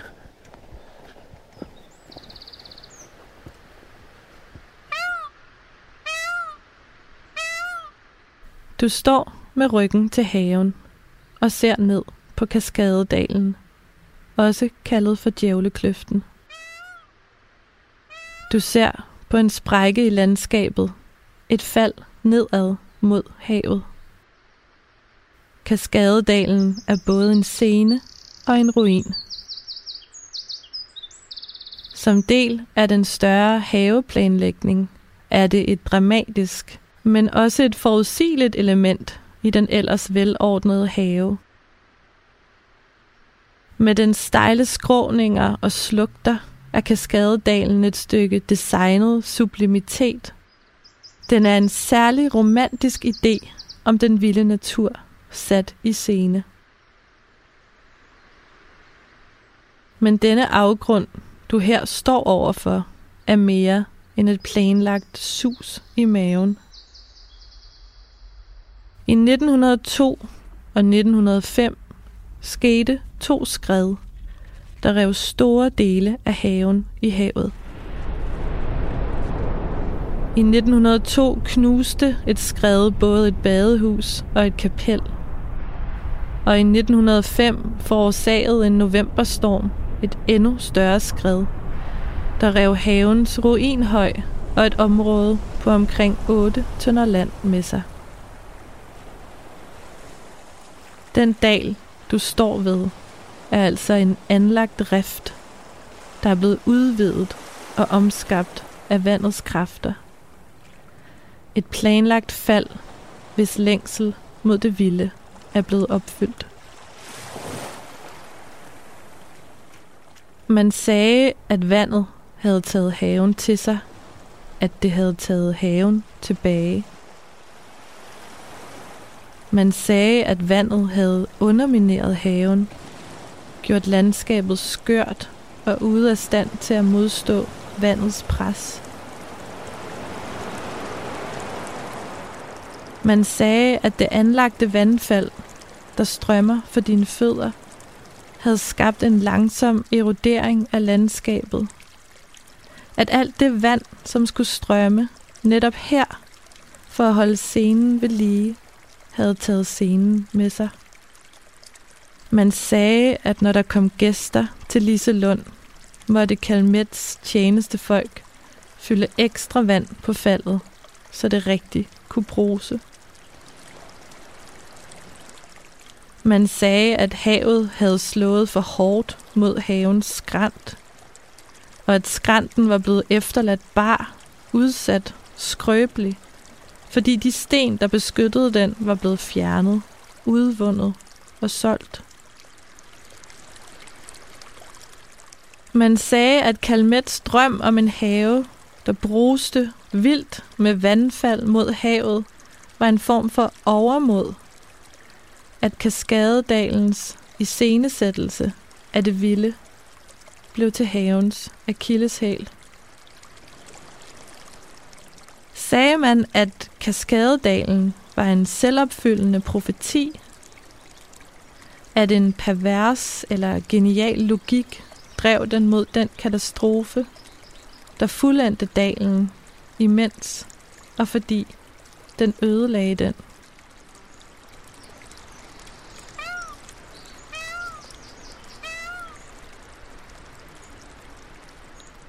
Kapitalismens logik at omdanne dissidens til mode. At sluge modstand ved at indlemme det i planen. Fetichere dens udtryk. Gøre det eftertragtet. Lave den til vare.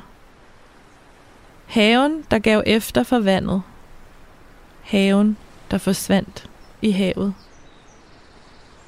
Naturen er en scene, et skuespil skrevet af dem, der ikke viger fra ansvaret i at bestemme oplevelsen af et landskab. Man sagde, at vandet tog faldet, tog scenen tilbage til sig selv.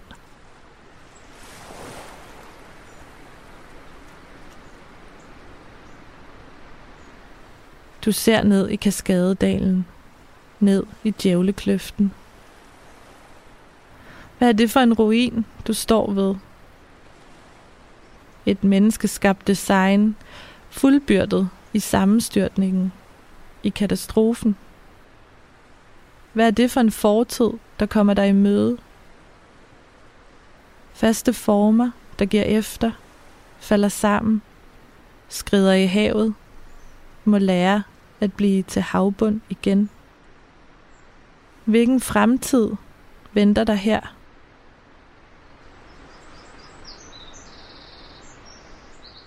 Danmark er et drænet landskab. For at kunne dyrke jorden, må den drænes. For at afgrøder kan gro, må vand ledes væk. Inden for en markedslogik er moser, sumpe, vådområder, genstridige og ubrugelige steder. Ingen afgrøder kan gro her. Moser er rige på biodiversitet. De er levende, sidrende supper af liv.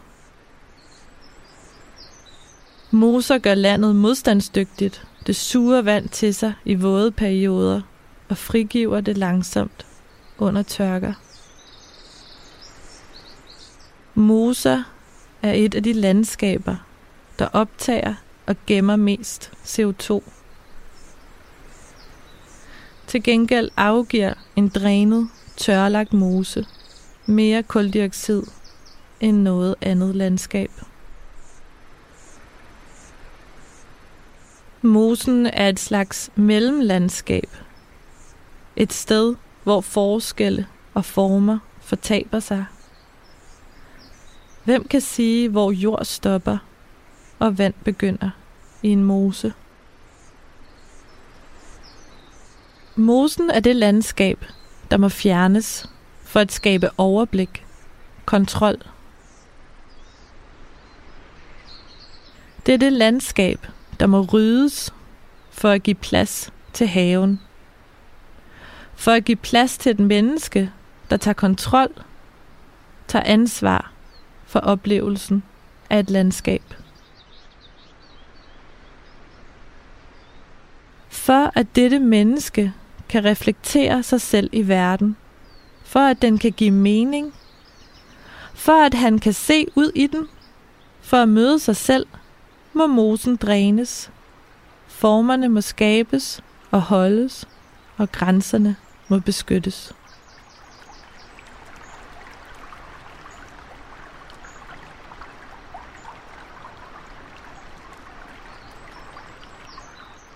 Man siger, at vand har en hukommelse. Som dette landskabs urform ligger mosen måske som en erindring i landskabet. Måske som et minde, som også Kaskadedalens vand bærer på.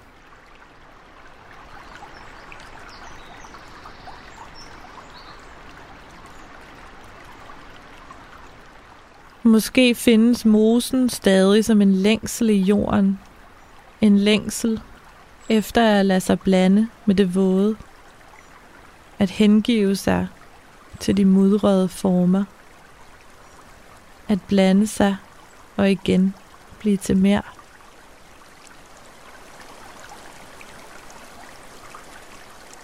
Ifølge klimarapporter vil havene have hævet sig med ca. 30 cm i år 2050 og over en meter i år 2100. Moserne vil komme tilbage. De vil hjemsøge vores trætte, udmattede landskaber. Vi vil lære igen at leve i vandet.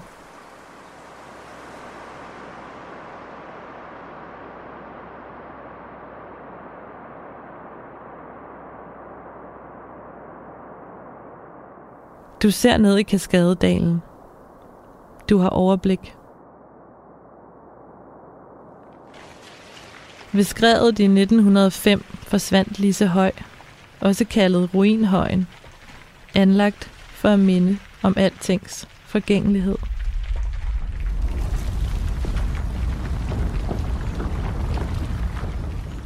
Man sagde, at de bønder, som Kalmet satte til at bygge denne ruin, nægtede. At de satte grænsen ved at bygge noget, der allerede var gået i stykker. At de nægtede at deltage i denne iscenesættelse af forfaldet. Hvad er det for en sorg, der hjemsøger denne skrant? Er det riften i landskabet? Er det haven, der er væk? Er det designets selvopfyldende profeti, det indbyggede forfalds fuldbyrdelse? Eller er det det, der måtte fjernes, for at haven kunne leve? Er det landskabets urformer, der går igen i denne dal? Er det mosen, skoven, planterne, der måtte ryddes for at åbne denne scene? Hvad er det for en sorg, som finder os her? Den amerikanske filosof Judith Butler skriver om sorgen, at den er politisk. Fordi det altid er udvalgte liv, der tæller som nogen, man sørger over at miste. I magnen er det synlige. I udkanten af disse særlige, sårbare liv findes en pågående, kontinuerlig død, som ikke bliver båret af ceremonier, ikke bliver båret af vores tårer. Det er de liv, vi tror, vi kan tåle at være foruden.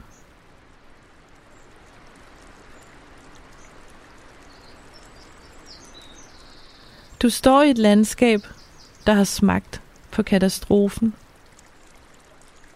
Man siger om klimakrisen, at det er en fremtid, der venter os alle.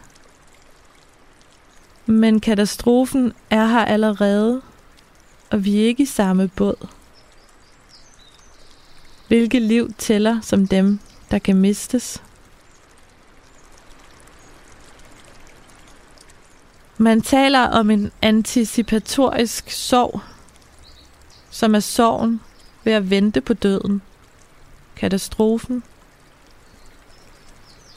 Man taler om det såkaldte solastalgia.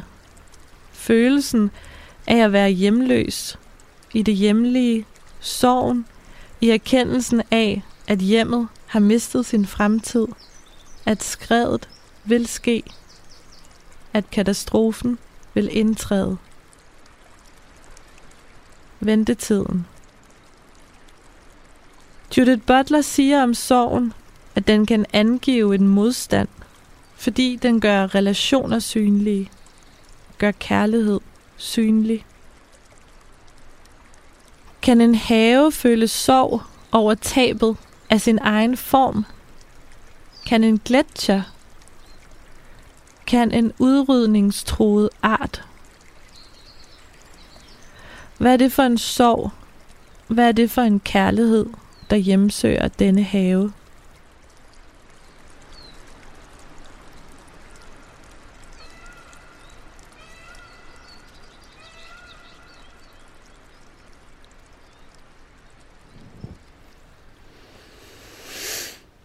Nå, Det var de store spørgsmål, vi fik på banen her. det må man sørme sige. Jeg står sådan lige og bliver lidt sådan betuttet. Ja, vi har ikke, vi har ikke rørt os ud af flækken. Vi står stadig foran den her kaskadedal. Måske vil sige, det er vildspor, du lytter til. Vi er i Lisa Lund øh, Slotspark og på en audio walk, lydvandring. Og øh, vi er blevet rystet lidt i vores grundvold. Der var, der var virkelig, øh, hvad skal man sige, altså der var virkelig kød på. Det blev virkelig naturpolitisk. Ja, og, og sådan med religiøse undertoner, ikke? Altså, Ja. jeg vil sige, det, det, det, der måske mest falder mig i tankerne her, eller hvad man nu skal sige, det er øh, den her italesættelse af mm, Nature Strikes Back. Ja. Det, det er jo Det altså, snakkede du jo også om før. Hvad var det, du kaldte Ja. skrant? Klintekongen. Klintekongen, ja. Klintekongen, øh, Klintekongens hævn, ikke? Og det, altså, øh, ja, det er jo en mægtig historie, så, som et eventyr betragtet, ikke? Ja. Det som, øh, det, som man bare må konstatere, det er, at hvis man har studeret naturen, så er det en historie om, at øh, det har kunnet betale sig for mennesket at... Ej, nu, er der, nu bliver jeg sådan helt mundlam over det. Den her bøgeruin, der står her på kanten, ikke, som er et kæmpestort hul i, og som er knudret som klintekongen selv, altså. Og med afbrækkede grene, men stadigvæk i live, og som står her midt i det hele. Et vanvittigt flot træ, ikke? Ja, det må Hold man sige. kæft, altså. Men, men, men det er bare, øh, jeg kan bare ikke, øh, jeg kan ikke slippe tanken om, at den her forestilling om Nature Strikes Back, den er meget, meget udbredt i vores kultur.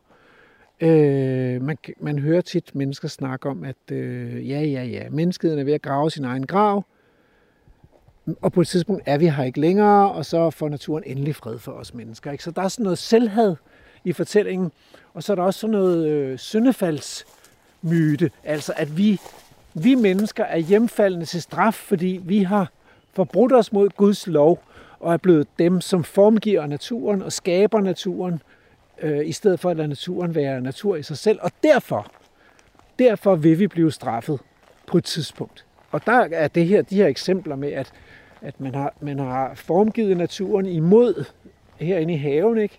imod øh, den spontane natur. Man har ryddet op, man har ødelagt, man har lagt naturen i lænker. Og så kommer havet så og tager det hele tilbage. Ja. Altså det er jo en perfekt, den indrømmer jo hele den her symbolik. Problemet er, at, at den holder ikke for en nærmere undersøgelse. Det er jo ikke sådan, det sker, vel? Altså, Ringkøbing Fjord er blevet øh, inddiget, eller hvad man nu skal kalde det, så man undgår saltvandsindbrud. Og så har man undgået de der store øh, vinterstormes oversvømmelser af Skærnå-deltaget. Så har man kunnet rette Skærnåen ud og opdyrke engene. Man har gjort det samme nede i Vadehavet, bygget diger, forhindret, at havet kom ind og lavede strandenge. Og så har man kunnet opdyrke de der enge, i stedet for at øh, have de der strandenge, hvor fuglene kunne trives. Og det er jo den samme historie igen og igen. Man har forhindret sandflugt, man har forhindret oversvømmelser, man har slået alle de store dyr ihjel, man har drænet vandet væk fra dyrkningsjordene, og det har kunnet betale sig. Og der er ingen tegn på, at naturen slår igen. Så det er, det er jo simpelthen bare løgn.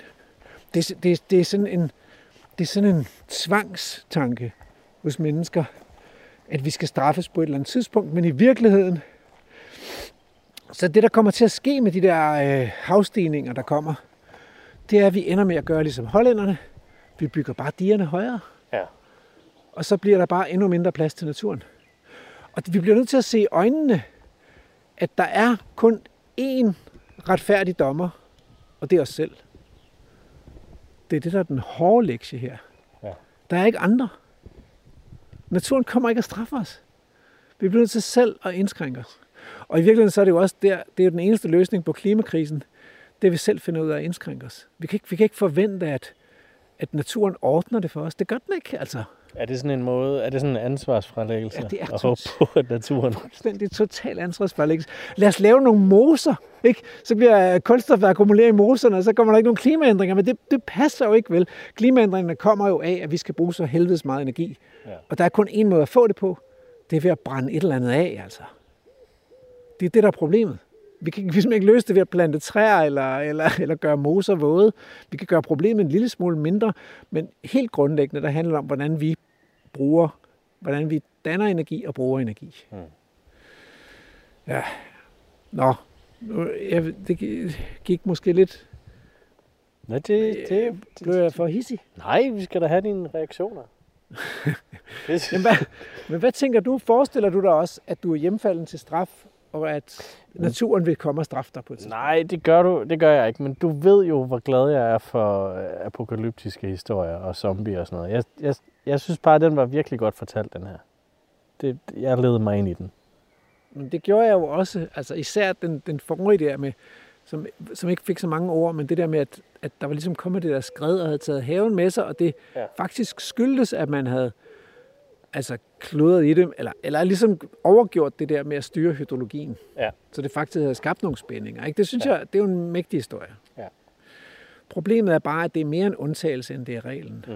Som regel der lykkes vi rigtig godt med at underlægge os naturen. Men jeg tror jo også, at du, du er jo også arbejdsskadet. For du, altså, jeg, Ja. kan jo, jeg kan jo godt se ud over det her. Jeg kan jo godt bare høre historien for det Ja. der, ikke? Jo. Det. Men nu, vi har bevæget os tilbage til kompostpunkten, fordi det er faktisk øh, endnu et, et punkt, øh, hvor vi skal lytte til en historie. Altså, må jeg ikke lige høre, hvad, hvad tænker du om den her kompostbunke? Den er ikke super Pæn eller, eller ikke pænt? Den er, Om den er pæn? den er pissegrim, ikke? Jo, men ja. Det, det skal, skal Det- en kompostbunke være flot? Det er bare sådan en kæmpe stor bunke med, altså det ligner jo et eller andet, der er fra genbrugsstationen i Lystrup, ikke? Altså Ja. folk har kørt deres grenaffald herhen, og så har de lagt det. Prøv, det er jo en enormt flot bøgeskov, vi står midt i. Hvad fanden skal det der, det der øh, grenafklip her med øh, grængrene og... Det jeg kan forstår være, det for Det kan være, vi- forklaringen ja, lad os i historien. Lad os, lad os høre den.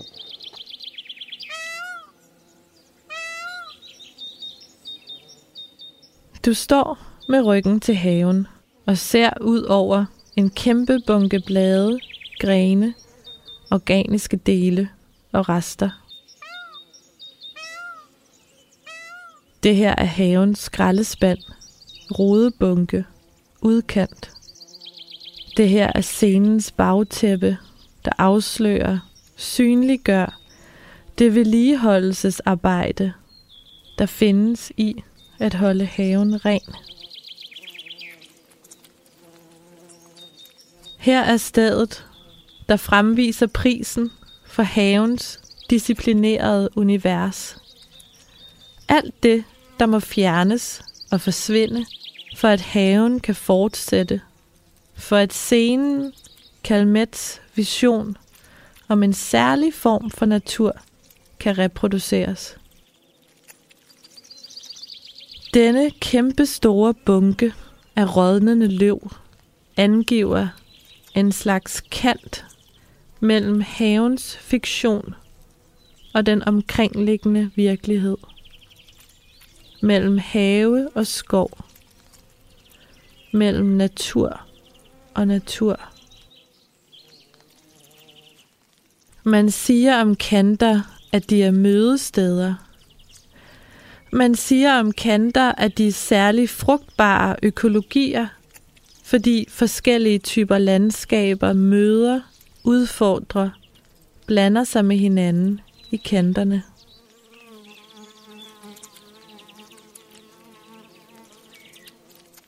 Hvem er det? Hvad er det, der må arbejde usynligt i kanterne for at vedligeholde og videreføre verden, som vi kender den? Hvem er det, der drager omsorg for verden, gør den ren, stiller stolene på plads, bærer maden ud, renser toiletterne, tømmer skraldespandene, for at vi kan træde ind i verden og genkende den. Genkende os selv i den hver dag.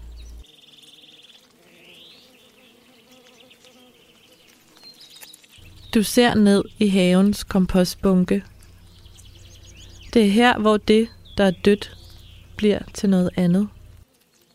Kompost skabes af organisk materiale, der nedbrydes til mindre dele af mikroorganismer, som bakterier, svampe og deslige. Kompostering er en proces, der genbruger organisk materiale ved at omdanne det til næringsrig substrat, også kaldet humus, der kan optages af planter. Man siger, at kompostering er en form for biologisk omsorgsarbejde. At i en kompost er det jorden, der bliver givet tilbage til sig selv.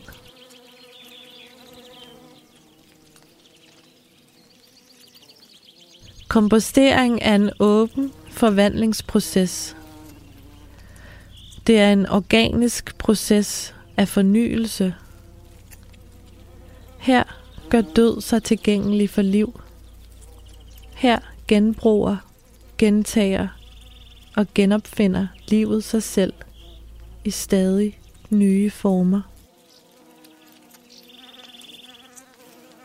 Man siger om vores samfund, vores kultur, at den ikke vil kendes ved døden.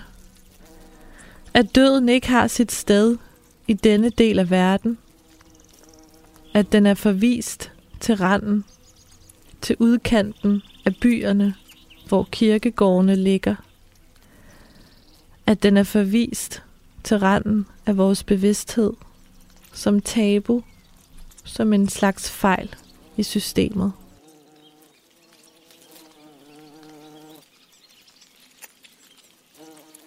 Der er dem, der siger, at når de dør, vil de hellere brændes, for at undgå den biologiske nedbrydningsproces.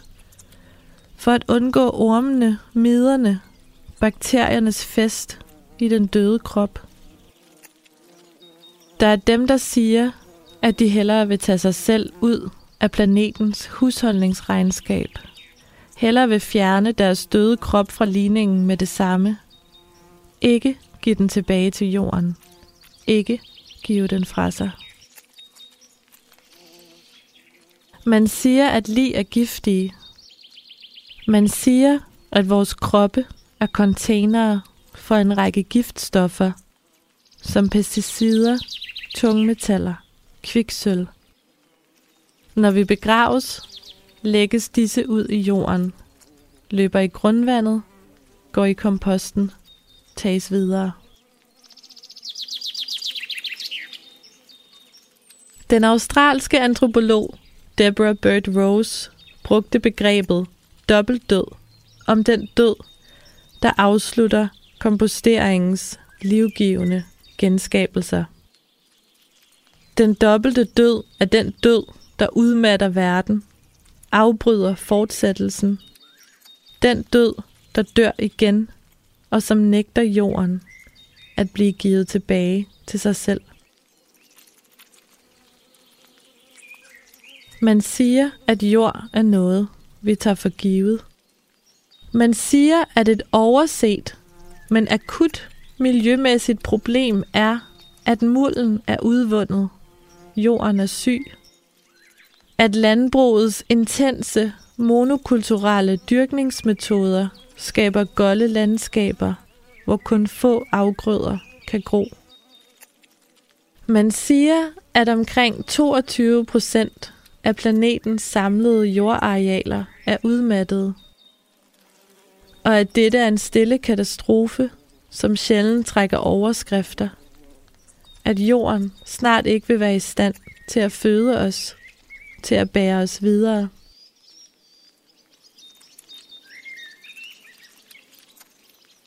Litteraten Maria Puig de la Bella Casa taler om forholdet mellem menneske og muld som et gensidigt omsorgsarbejde.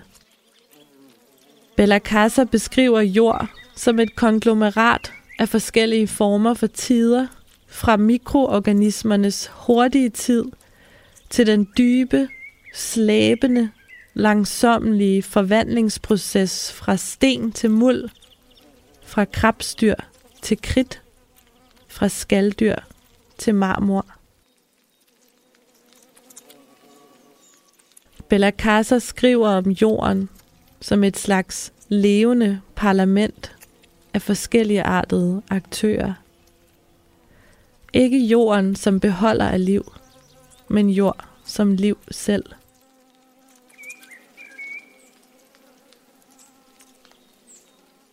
Man siger om god, næringsrig jord, at den er sund for os. Man siger, at en sund muld indeholder naturlige antidepressiver, stoffer og bakterier, der gør godt for vores immunsystem, godt for vores fordøjelsessystem. Man siger, at jorden er generøs, at den passer godt på os. Den amerikanske biolog og filosof Donna Haraway siger, vi er ikke posten mennesker, vi er kompost. Vi er bløde former, der indoptager hinanden. Hun siger, at vi fremdeles skaber forbindelser, at vores kroppes grænser er til konstant forhandling, at vi bliver med hinanden i svimlende, uendelige strømme af liv, der længes mod hinanden, liv, der modtager og vokser med dødens gave, liv, der holder sig åbne, porøse, sårbare for verden, liv, der lader sig blande, blive til noget andet.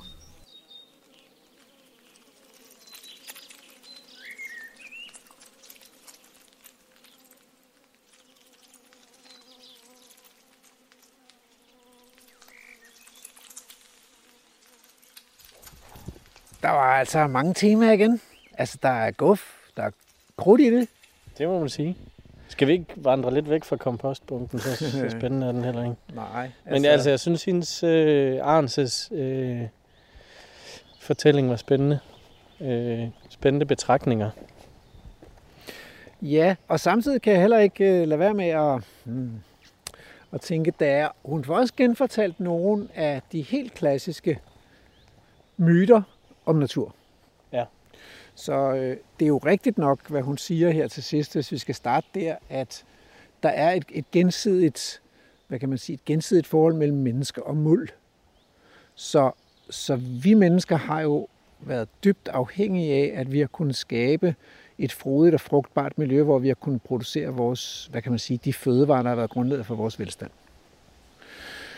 Det har jo ikke været, det har jo ikke været givet fra naturens hånd. Der er jo meget af, at den jord, der har været der fra naturens hånd, har jo været naturligt næringsfattig, og den har skulle øh, og den har været besværlig at indvinde, og besværlig at, at fælde træerne og rydde krattene og dræne vandet væk og, og så få øh, øh, ærteblomstrede øh, planter til at fixere noget kvælstof, sådan, så man kan få noget ordentlig øh, næring ned i mulden. Få gødet jorden med møg fra husdyrene, og senere med kunstgødning og med guano fra fuglefjeld eller med tang fra havet, bare på en eller anden måde fået gødet jorden, altså, sådan at vi har kunnet få så mange fødevarer ud af jorden, som vi har. Så det er jo sandt. Man skal så bare huske at sige, at det har aldrig været naturens plan, at den har skulle være sund, eller nærende, eller givende, eller... Og det kan man jo hurtigt forvisse om, hvis man tager et historisk blik på, hvor, hvor svært det var for vores forfædre at hive noget som helst brugbart ud af, ud af jorden. Altså det er virkelig noget, det har krævet øh, teknik og videnskab, landbrugsvidenskab, at få noget ud af den jord der. Og, øh, Og det er heller ikke sådan, at, at naturen har den samme interesse. Så vi biologer, vi siger jo rask væk, at øh, muld er gift, fordi vi må konstatere, at rigtig mange af de arter, der vandtrives i det danske fede kulturlandskab, det er arter, som, som, som dør under i frodighed og vækst. Arter, som kræver næringsfattige levesteder, næringsfattige overdrever, enge og moser og strandenge og klitter og heder. Øhm. Så her er der altså igen et modsætningsforhold mellem menneskets behov for velstand og sundhed og overlevelse, ligesom der er med de der dramatiske forstyrrelser i forbindelse med havets erosion og nedskridende skrænter og sådan noget. Og så, øh, og så naturens behov for vilde forstyrrelser, sandflugt og skred og oversvømmelser og næringsfattige levevilkår og træer, der er ved at dø. Og øh, så det er vigtigt at være, tænker jeg, at være ærlig omkring de her ting, altså at vores interesser i frodig muld er en anden interesse end biodiversiteten, og naturen selv har faktisk er befriende fri for de her interesser. Naturen har ikke, har ikke tænkt sig at være sund eller god, eller ond for den sags skyld.